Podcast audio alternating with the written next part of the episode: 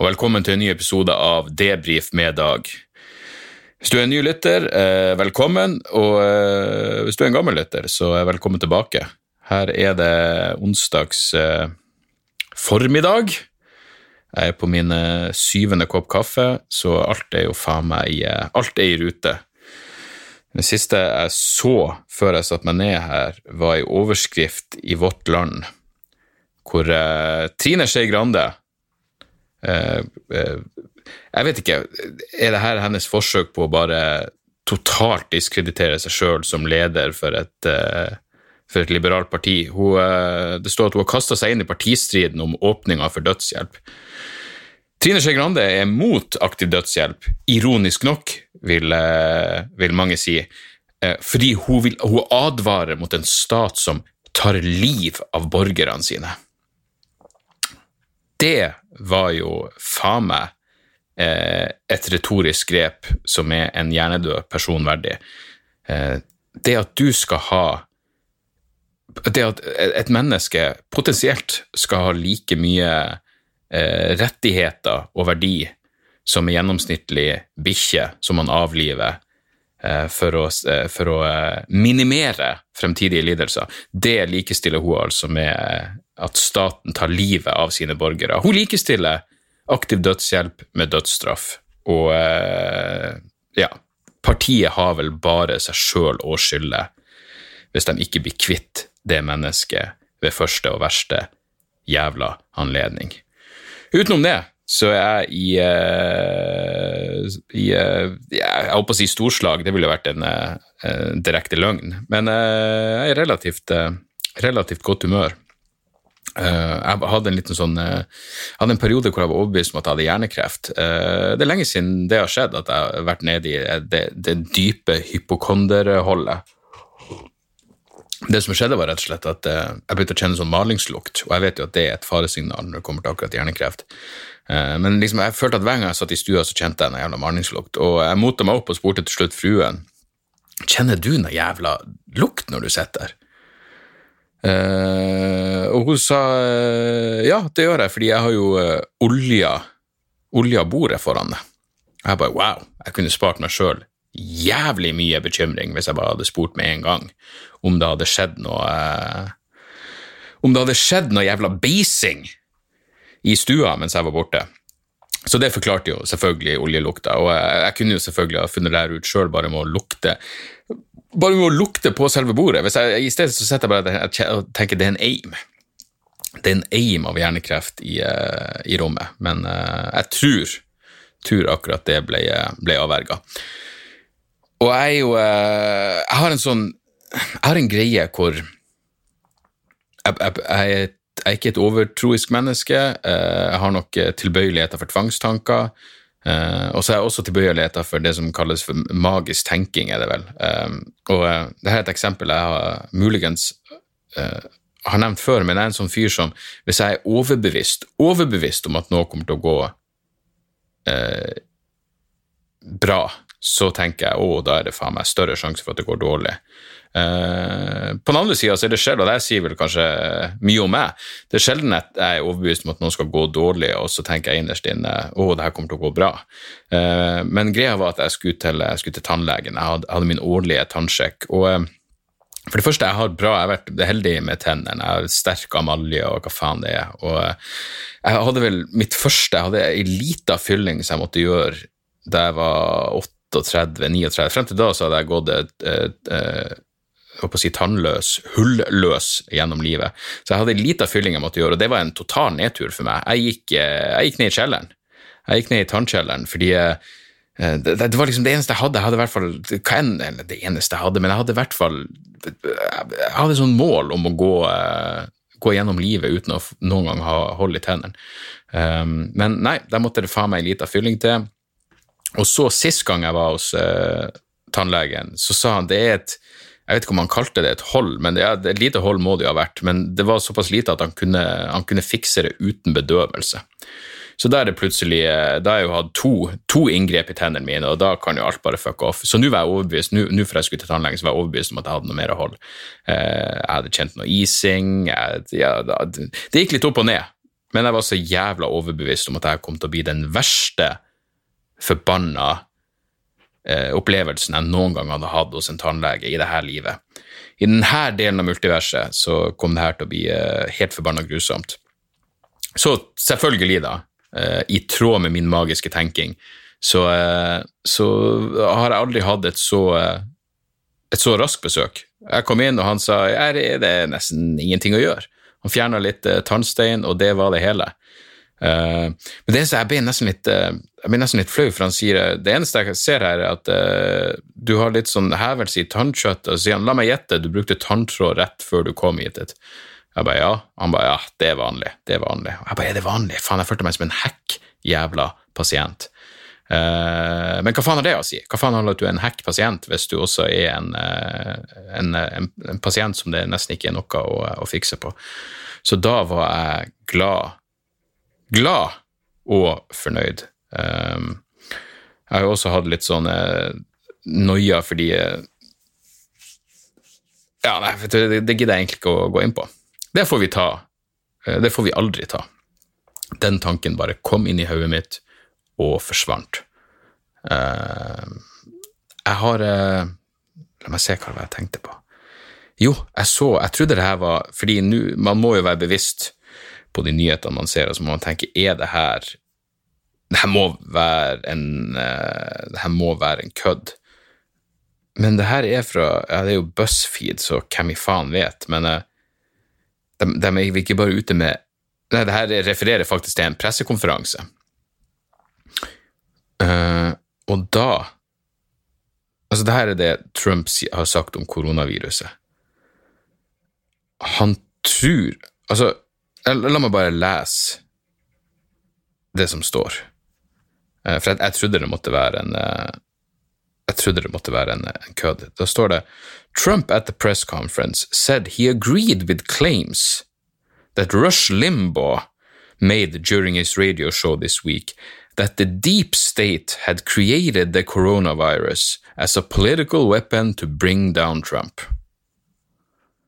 Altså, så Så den amerikanske presidenten tror at den The deep state, som han da tydeligvis ikke har noe oversikt over eller kontroll over, har lagd koronaviruset for å ta han Altså, hvis du klarer å få koronaviruset til å handle om deg, deg, deg, da, eh, da, går det vel an å fjerndiagnostisere deg som en helvetes narsissist. Eh, og så i tillegg, han hører på Rush Limbaugh. Jeg mener, Rush Limbaugh er jo en fyr som Har ikke han sagt at, eh, at, at røyking ikke er farlig? Han sa i hvert fall at eh, passiv røyking ikke er farlig. Uh, Nå har han vel også, uh, også lungekreft. Han har en rekke med rasistiske uttalelser. Han er jo en fuckings religiøs fanatiker. Så det at Ja, nei, det, det er ingenting ingenting burde overraske oss uh, på dette stadiet i vår sivilisatoriske kollaps. Det beste tipset jeg så mot, uh, mot, mot koronaviruset, er jo det QAnon, de der folkene som konspirasjonsretning som igjen handler om the deep state, men de mener at, at, Trump er selvfølgelig bare et, et, godt fordekt geni som snart skal eksponere den dype staten. For, all denne, for denne, alle dens ugjerninger og alt denne verden. Trump er en, en mann av folket som skal, som skal bringe ned det, den umoralske Den umoralske eh, dype delen av den amerikanske staten. Og eh, i hvert fall de har tips til de som er redd for koronaviruset. Det er å drikke blekemiddel. Eh, som høres eh, relativt eh, Altså, det høres jo relativt ekstremt ut, så fremst ikke målet ditt er å dø før du kan få koronaviruset. Jeg minner meg faen meg om de der som la skylda på jødene for svartedauden, som igjen krever baller. Du tror jødene sto bak svartedauden, og så skal du legge deg ut med dem. Det, det krever selvtillit. Det krever virkelig selvtillit. Uh, ja, her, jeg, fikk, jeg fikk faen meg Fruen klaga på at jeg har for mye sko. Jeg slo meg plutselig. Fordi jeg har et par sko stående rett foran meg på kontoret. Hvorfor har dem stående på kontoret? Jeg tør faen ikke ta dem ned i gangen. Vi har en veldig liten gang, og der er det tydeligvis jævlig mye sko. Så fruen driver og øh, vasker og rydder uti det, så plutselig så sier hun bare til meg vet du at du har 15 par sko? Jeg sa det visste jeg ikke.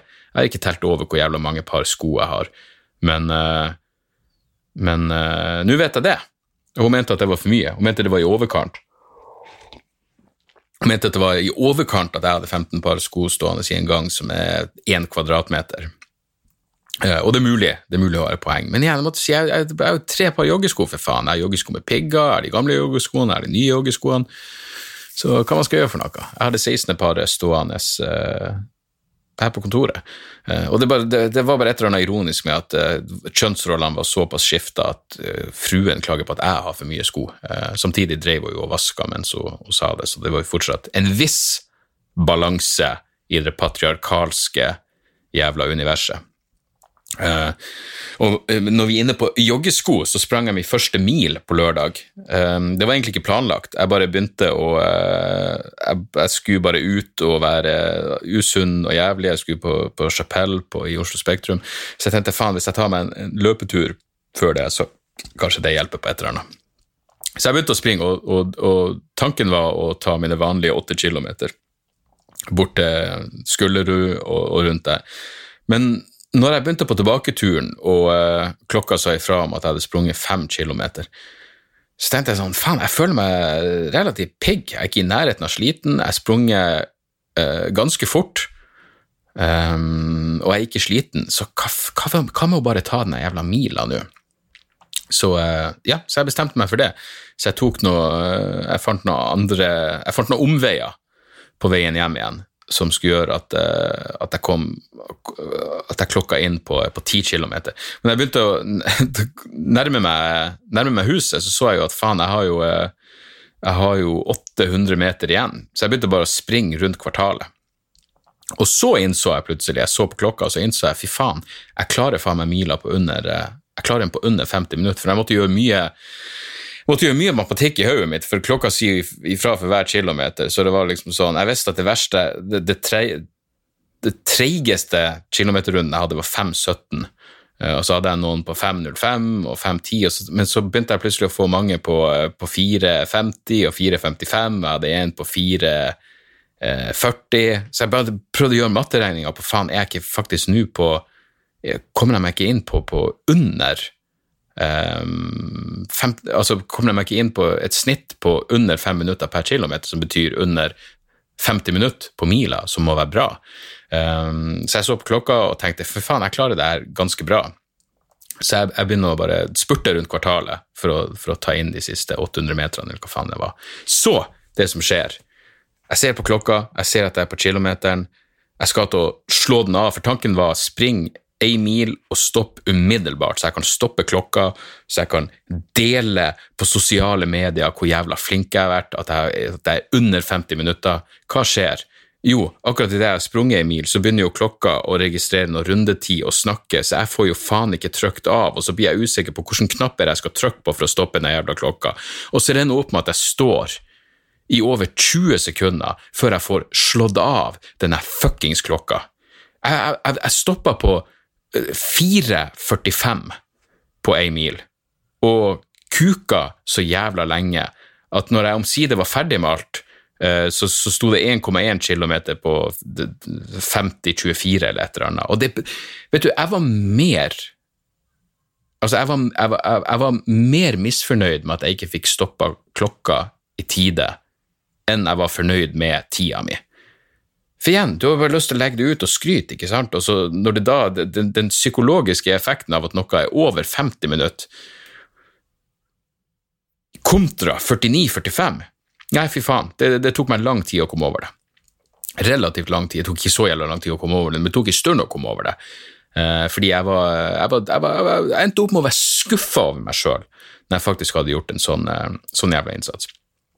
Men etter som jeg forstår, så med tanke på at jeg begynte å faktisk jogge i eh, slutten av august, eh, så det, det, hva det blir, det blir et halvt år, så er det, så er det respektabel tid. Uh, og det er jo oppoverbakker nedoverbakker, altså det er, jo, det er jo variert, eller det er asfalt jeg springer på, men det er jo det er på ingen måte bare rett frem. Og enhver nedoverbakke jeg får, er det en oppoverbakke på tilbaketuren, og vice versa. Så, så ja, nei, jeg må, må, si meg fornøyd med det. Det jeg ikke var forberedt på, var jo hvor, hvor Det var tungt, altså. Jeg faen meg tatt meg ut. Så jeg hadde jo faen meg en tresifra puls nesten resten av dagen, tror jeg. For jeg kom liksom inn, jeg tøyde ut, jeg gråt over at jeg ikke fikk delt 49-45, eh, og alt det der. Ja, Så tok jeg en dusj, og så dro jeg opp på Så var det jo eh, tid for Chapelle. Så jeg dro, eh, det var Lars Berrum hadde sånne, eh, et veldig uformelt eh, Chapelle-vorspiel på, på Njø scene, som, som, var veldig gøy. Mye av tida gikk til, og altså når jeg kom dit, så var det allerede starta, og da drev de og da hadde vel noen hadde, eller Lars hadde nevnt at man må skrive ut billettene. For Chapelle har jo en sånn greie hvor du ikke har lov til å ta med deg mobiltelefonen inn. Det betyr også at du ikke kan skanne billetten med mobiltelefon.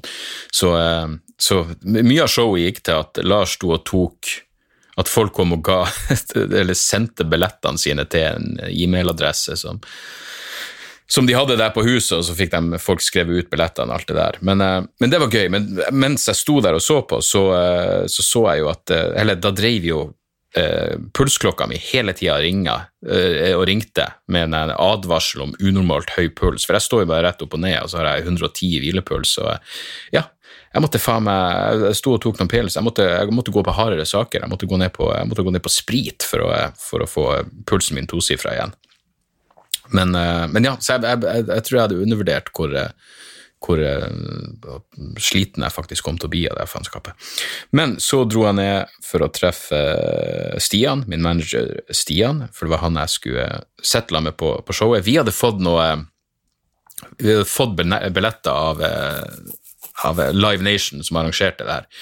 Så vi skulle få være i sånn losje som de hadde i, i Oslo Spektrum. Og det var jo jævlig nice, fordi uh, det var jo egen bar der, og det var egen dass, så du slapp den ulidelige jævla dasskøen du kan få inne. Du slapp det ulidelige eh, pilskøen og de ulidelige dasskøen. Og det var en ganske fin bar med spritservering rett utfor losjen, og så inn i den eller losjen eller loungen, eller hva faen enn det heter. Så det var liksom et, et eget rom med masse pils og ja, det var noen snacks og noe greier, og så går du liksom ut av rommet, så var det sånn egen lita tribune utfor med ganske bra seter. Eh, et stykke unna scenen, da, men, eh, men, men, bra seter. Men vi måtte jo, som alle andre, legge fra oss eh, både mobil og smartklokke på veien inn, som gjorde at jeg satt der og tenkte jeg vet ikke hva pulsen min er. Det satte jeg mer ut. Det, det, det, å ikke ha mobilen, det var null problem for meg. Men det å ikke vite hva pulsen min var, var det som var det jeg var, mest bevisst på. Men i hvert fall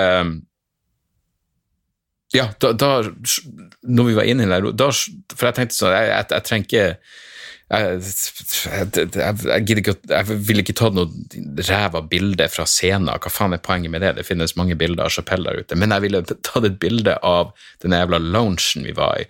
For uh, en uh, komikerkollega av meg han hadde lyst til å være på showet, men han hadde for lenge siden sagt ja til en jobb i Kristiansund.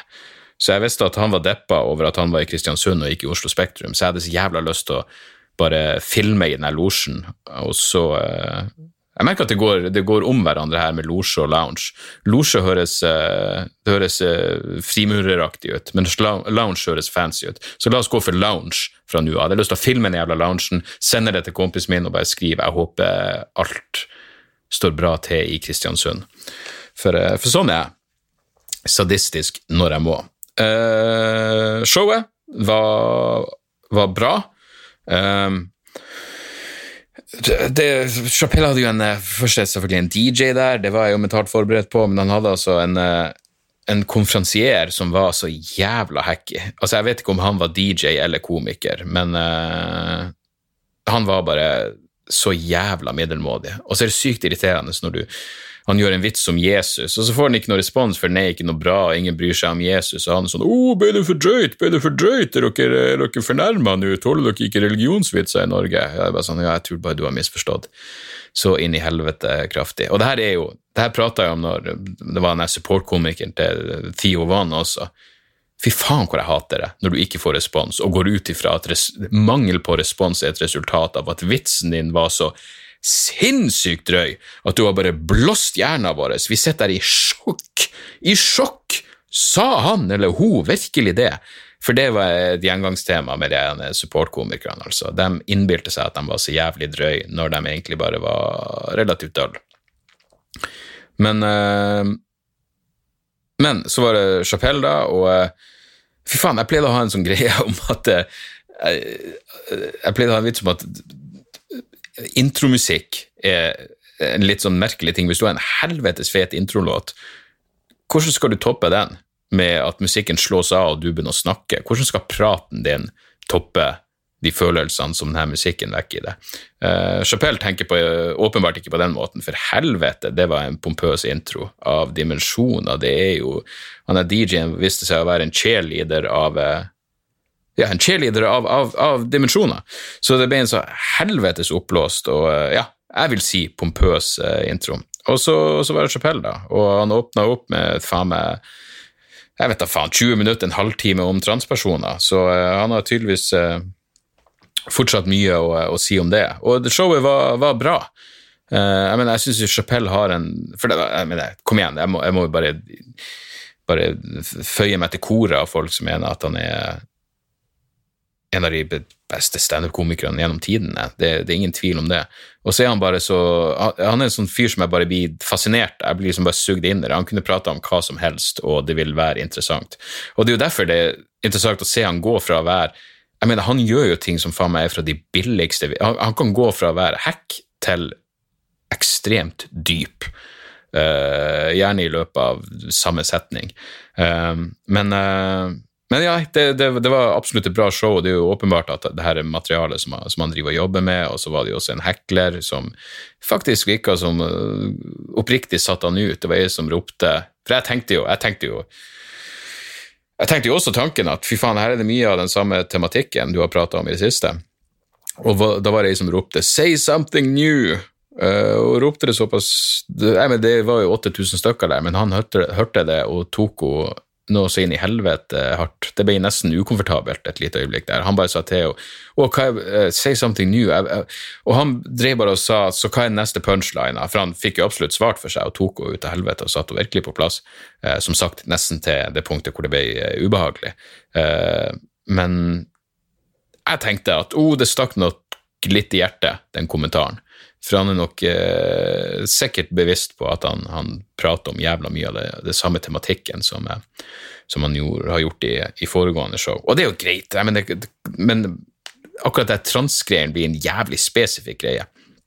Men, så jeg, jeg, følte ikke at han helt tok poenget. Say something new. ja, han tol tolka det tydeligvis som om hun mente at han gjorde de samme vitsene. Så han sa 'Å, men hva er neste punchline jeg skal si?' Selvfølgelig, det, det, der sliter hun jo.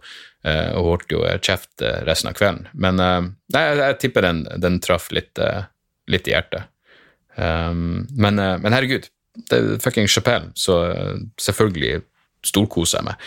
Så kom Mose Deff ut og, og rappa på slutten, og vi hadde truffet han Det var, det en sånn fyr fra det ene Live Nation som var innom før showet, Inni lounge-losjen vår.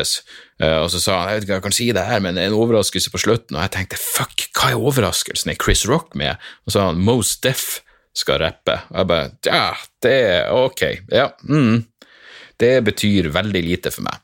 Uh, men det passa veldig bra, fordi uh, straks Most Deaf kom ut, så, så, så jeg mitt snitt til å ta et lenge en lenge etterlengta piss. Så um, ja, nei, så det var Chapelle. Det var en sånn rar ting som skjedde også under eh, For vi satt jo ganske høyt oppe, altså det er jo ganske bratt i tribunene oppover i, i, Spektrum. Og plutselig så ble det sånn pust når publikum sånn så, og så så jeg at et lys kom på, og eh, det, visst, det som visstnok skjedde, var at noen tryna i trappa og ramla ned. Men det var et øyeblikk der jeg tenkte hva faen er det som foregår nå? Og hvis det her er terrorangrep, så tipper jeg det er en fordel at vi er i uh, lounge-losjen vår. Bare henge her til, uh, til, alt er, til, alt er, over. Men, uh, men ja. i det store og det hele eh, så får jeg bare enda mer lyst til å se Chapelle i et mindre rom, for eh, det er jo et spektrum, det er skjærløst, det er for stort for standup. Og så satt vi også sånn at du varierer mellom å se på skjermen og på scenen, fordi, fordi sånn blir det. Men øh, det var det. Uh, hva var det annet jeg ville prate om? Ja, du, nå har jeg sett det Altså, her er greia. Jeg kjenner ikke Petter Uteligger. Men bare fordi jeg ikke kjenner han, så betyr det ikke at ikke jeg kan se dypt inn i sjela hans og dømme han nord og ned som menneske. For jeg liker ikke den jævla fyren. Jeg syns han virker falsk som faen. Og alt er jo tilrettelagt for at jeg skal like han. Jeg mener, han, han prøver å uh, gi et ansikt til de svakerestilte i samfunnet. De fuckings narkomane, de utstøtte, nå de som Hvordan det er å være sitte i fengsel. Alt er tilrettelagt for at jeg skal like den fyren, og allikevel, jeg liker han ikke i det hele tatt. For det første liker jeg ikke det dumme, tomme jævla smilet hans. Han minner meg om Mr. Peanut Butter, denne jævla labradoren i Bojack Horseman. Han, han kunne like gjerne ha Når, når Petter uteligger gliser med åpen munn, så kunne han like gjerne hatt tunga hengende ut, bare for å understreke hvor tomt det er inni der. Uh, og jeg, jeg altså jeg, og jeg, jeg, så, jeg, vet da faen hvorfor, men jeg så eh, i ettertid reprise av det Petter uteligger. Oh, han var 50 døgn ute og bodde på gata. Jeg tror ikke på det et jævla sekund. Han var hjemme og spiste kveldsmat hver jævla kveld. Skal du fortelle meg at han var ute på gata i Oslo på julaften når han har et lite barn? Da er han jo eksepsjonelt egoistisk. Jeg mener, Er det en dag du skal være glad du har tak over hodet, og at du faktisk har familie, så er det jo faen meg på julaften. Så jeg kjøper ikke det der i det hele tatt. Jeg kjøper ikke det programmet hvor han Å, oh, nå tar han eh, heroinavhengige med på sledetur, eller hva faen det er han holder på med. Skal ikke, det skal ikke en psykoanalytiker til for å si at han er faen meg skjærløs. Han har bare funnet sin jævla nisje. Ikke sant? Og når kommer Petter overdose, egentlig? Det må da være det neste steget. Han har vært uteligger, han har vært i fengsel. Det er, vel, det er på tide at han setter ei stor sprøyte med fentanyl, plumbo og luft rett inn i blodsystemet. Jeg er så jævla lei. Petter uteligger. Hva faen var det det sto i Dagbladet? Eh, la meg slå det opp her, det var en anmeldelse av eh, Petter fengselsfugl. Eh, Petter Nyquist, bedre kjent under det noe uheldige navnet Petter Uteligger. Ja, han har jo ikke, har jo ikke Det har jo ikke vært et brand for han, Petter Uteligger. Han har jo kjempa imot å bli kalt Petter Uteligger hele sitt jævla liv. Han er ikke en fuckings uteligger! Å, jeg er i dag torturoffer fordi jeg var bakfull en gang. Åh, jeg misliker den jævla fyren så inn i helvete, og jeg er overbevist om at det er noe mørke under overflata. Når han tar seg en whisky for mye, så kommer det ei mørk side frem. Det er jeg helt jævla sikker på. Åh, det er så skinnhellig. Og det var jo også i det Petter Uteligger, det var en av de ene, eh, å si, mest narkomane som bare var sånn Det var så åpenbart at selv denne fyren, som er fuckings kraftig rusavhengig, og ikke har tak over hodet, som må faen meg hver jævla kveld lete etter en ny plass å bo, som må som å bryte loven og gå på akkord med sin egen moral bare for å tilfredsstille sin egen rusavhengighet. Selv han så ned på Petter Uteligger, og det skjønner jeg jævlig godt. Jævlig godt, for der er det et mørke under overflata. Det er da helt forbanna åpenbart. Ingen tvil. Petter, Mr. Peanut Butter, uteligger, fengselsfugl. Tok han ikke fuckings eh, rusavhengige med ut på noen skogsturer også, eller forveksler jeg det med noe annet? Jeg er ganske sikker, ganske sikker på at han har faen meg brukt de stakkars rusavhengige jævlene til mye. Men det var eh, La oss ta et par, eh, et par jævla mailer. Petter i fengsel, ja. Der er han. Noe av seriens vellykkethet må nok tilskrives Petters mot og karisma. Ah, det er det vi kaller det. Mot. Skal vi se. Skal vi se. Jonas Uland skriver til meg uh, Den var jo veldig kort. Hei, Dag. Trenger å høre ditt syn på denne saken. Med andre ord, trenger et ordentlig rant mot de forkastelige folka i Visjon Norge. Ha en nydelig helg. Uh, oh ja, det er jo det, det, Visjon Norge, den kristne TV-kanalen, bare folk donerer penger uh, for koronavirusbeskyttelse. Jeg så ikke helt uh, grunn til oppstuss. Jeg, så, jeg, skjønner ikke hvorfor noen Hvorfor er det moralsk forkastelig av Visjon Norge å be folk sende dem Hvorfor, hvorfor er det moralsk forkastelig av en kristen TV-kanal å utnytte frykt for koronavirus eh, for økonomisk profitt? Hva som er galt med det, når de, når de prøver å skremme folk med helvete?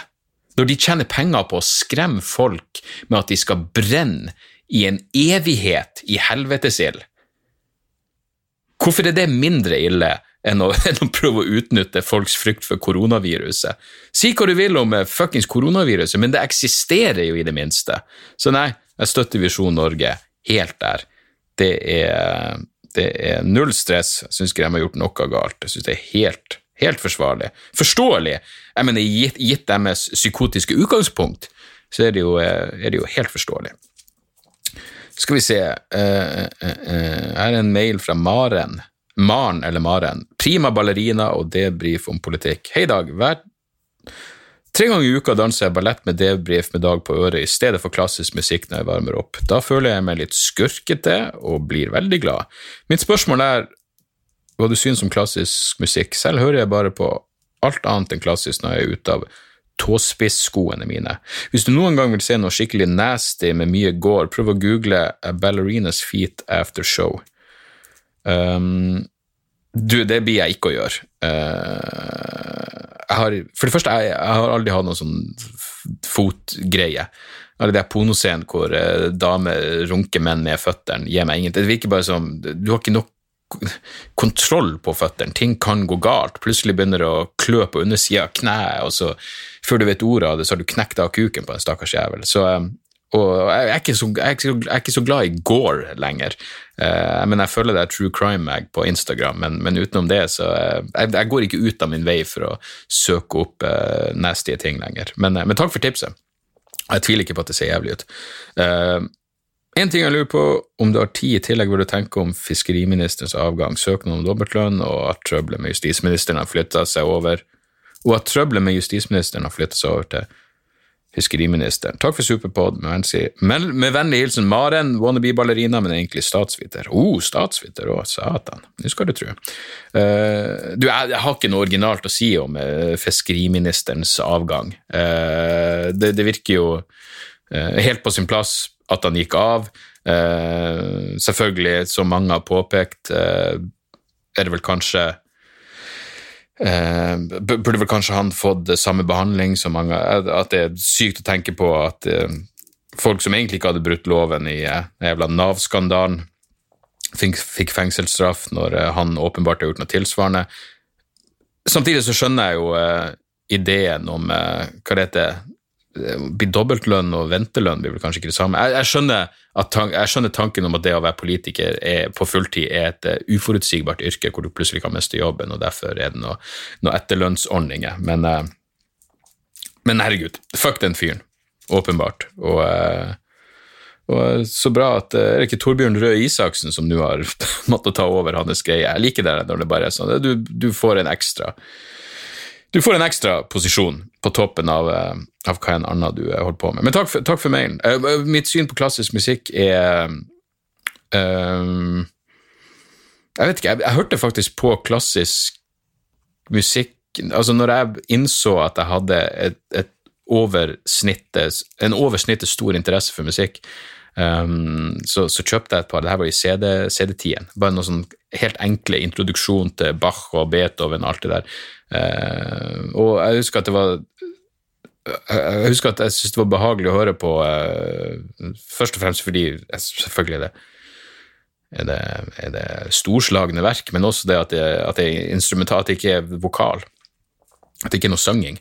Uh, det var noe jeg likte. Etter hvert så begynte jeg å høre på Jeg, jeg føler faktisk at jeg får klassisk behovet mitt tilfredsstilt med mye av, av black metal-musikken jeg hører på.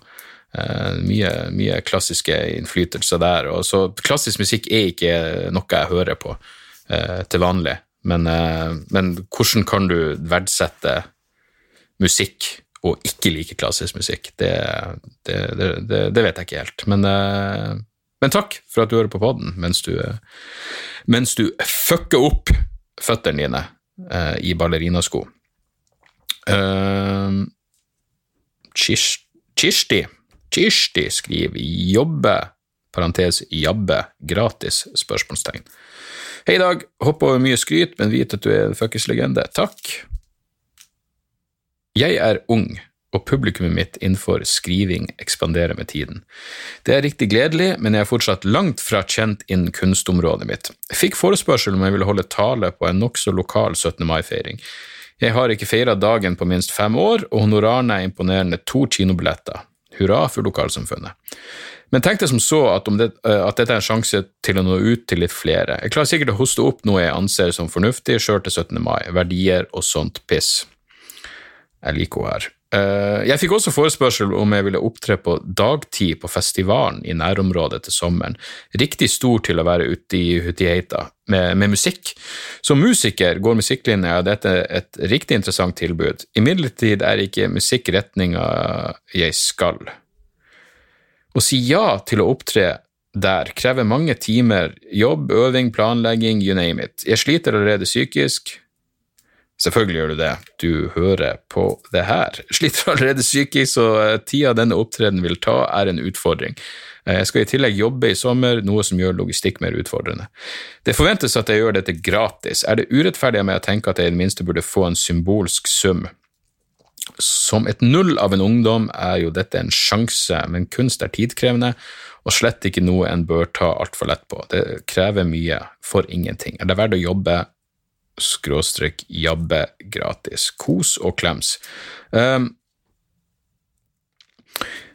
la meg bare se om jeg skjønte det her rett.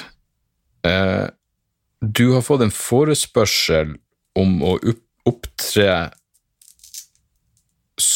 uh, med musikk. Altså, du, du, et musikkinnslag, men musikk er ikke retninga du skal gå. Uh, og det vil kreve mye jobbøving, og det vil ta Det vil også kreve en, en psykisk pris. Uh, vel, her er greia. Uh, hvis det her var Hvis du blir spurt om å gjøre noe innenfor den retninga du vil gå kunstnerisk, så ville jeg gjort det gratis.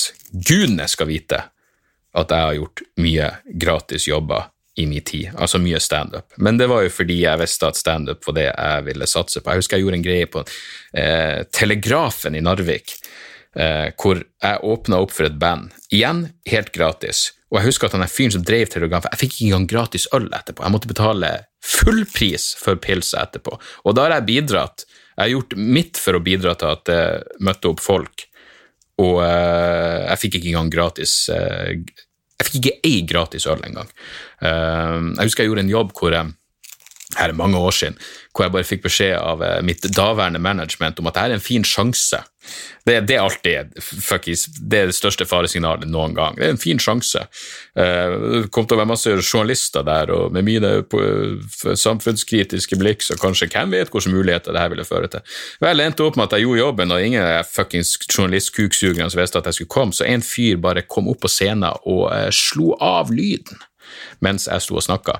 Så det, det var jo en sjanse. Det var en sjanse til å bli ydmyka på det groveste. Men poenget mitt er uh, jeg, gjort, jeg, har gjort gratis ting uh, for, bare for scenetida sin del, for å få navnet mitt ut der, og alt det der.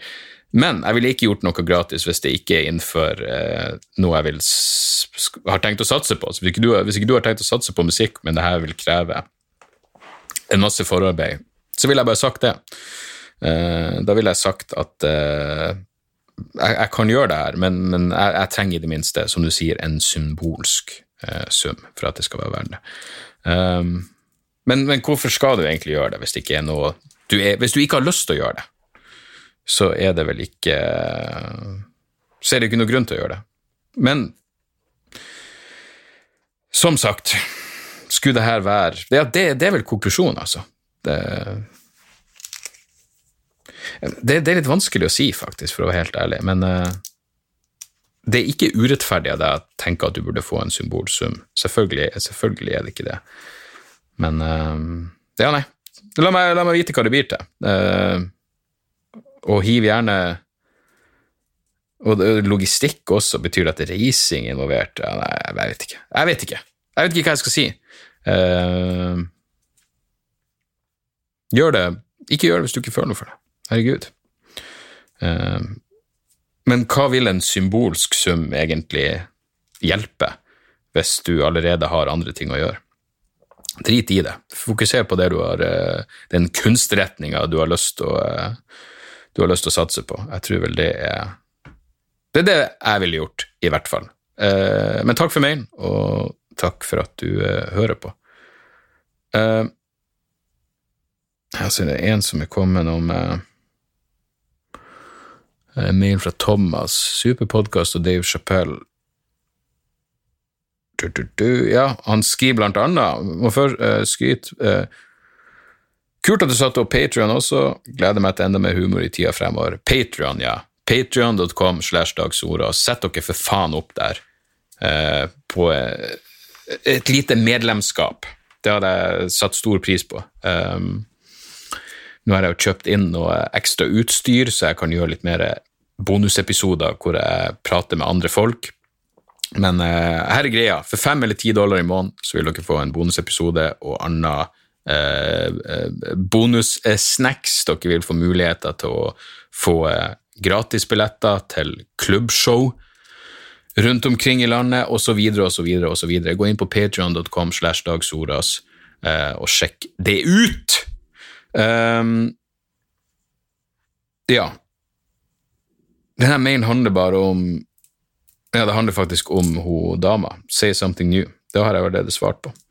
Så uh,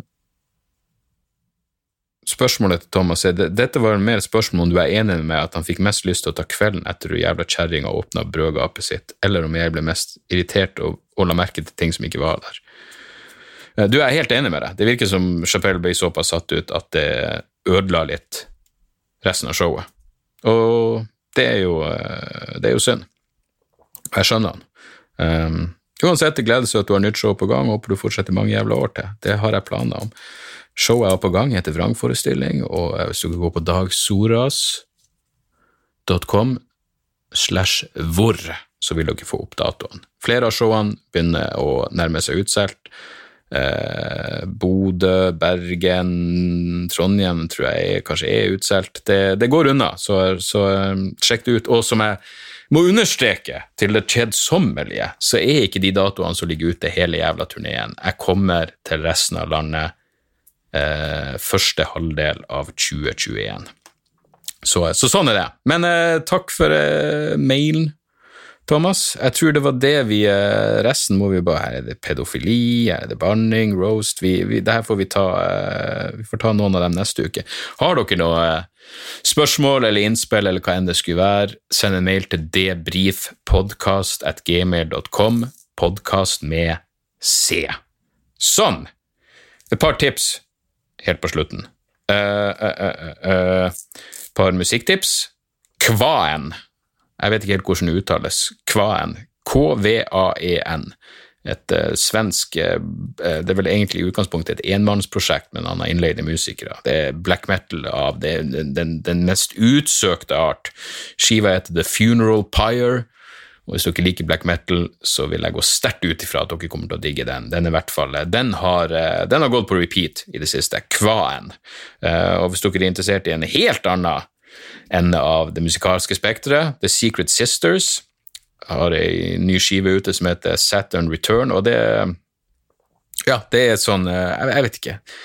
Melodiøst og fint og behagelig, sånn singer-songwriter, et, et søskenpar, akkurat sånn. Så det, hvis du liker First Aid Kit, så vil jeg virkelig tro at det her er up your alley. Så, eh, så den skiva uh, kan anbefales. Uh, så jeg begynte å se Hunters på Amazon Prime. Og uh, hvorfor ikke denne serien? Hvorfor, hvorfor har den 7, noe på IMDb? Det er jo fuckings dritbra. Jeg, jeg, elsker den fra første øyeblikk. Hunters er altså Det handler om uh, jøder i New York på uh, 70-tallet.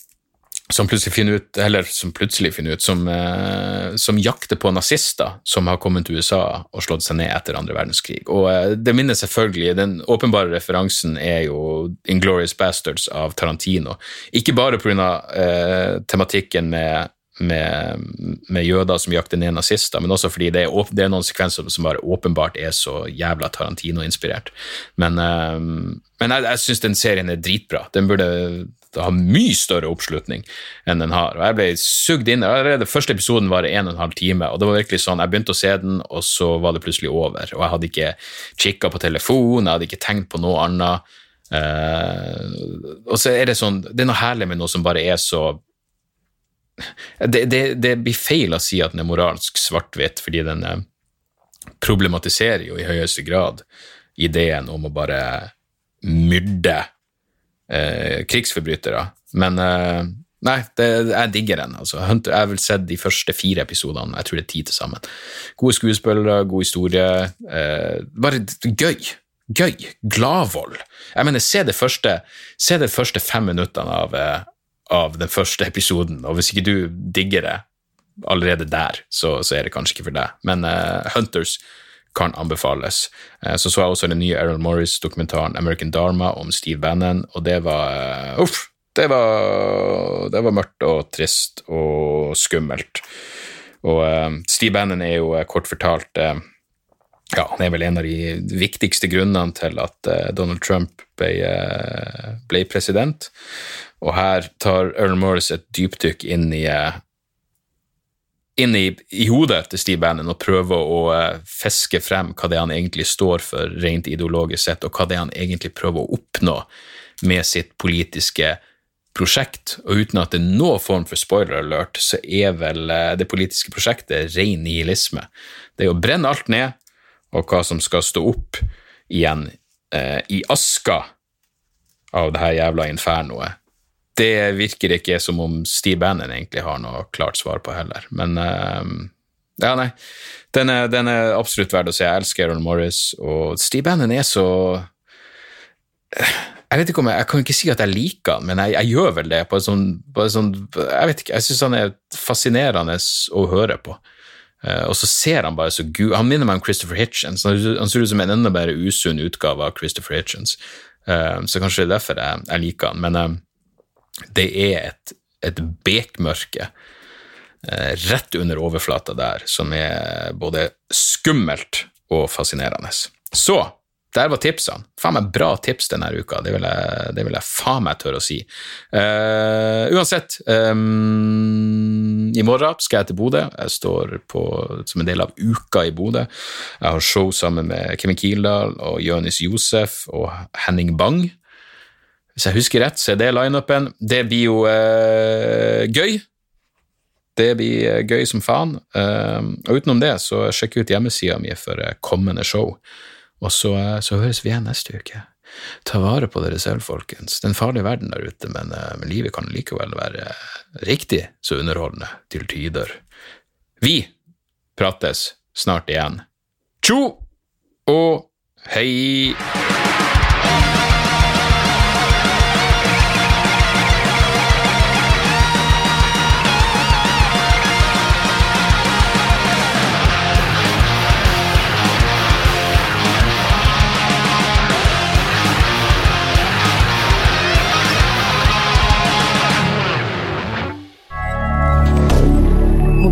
Media. Da er det reklametid, og ukens annonsør er fiken.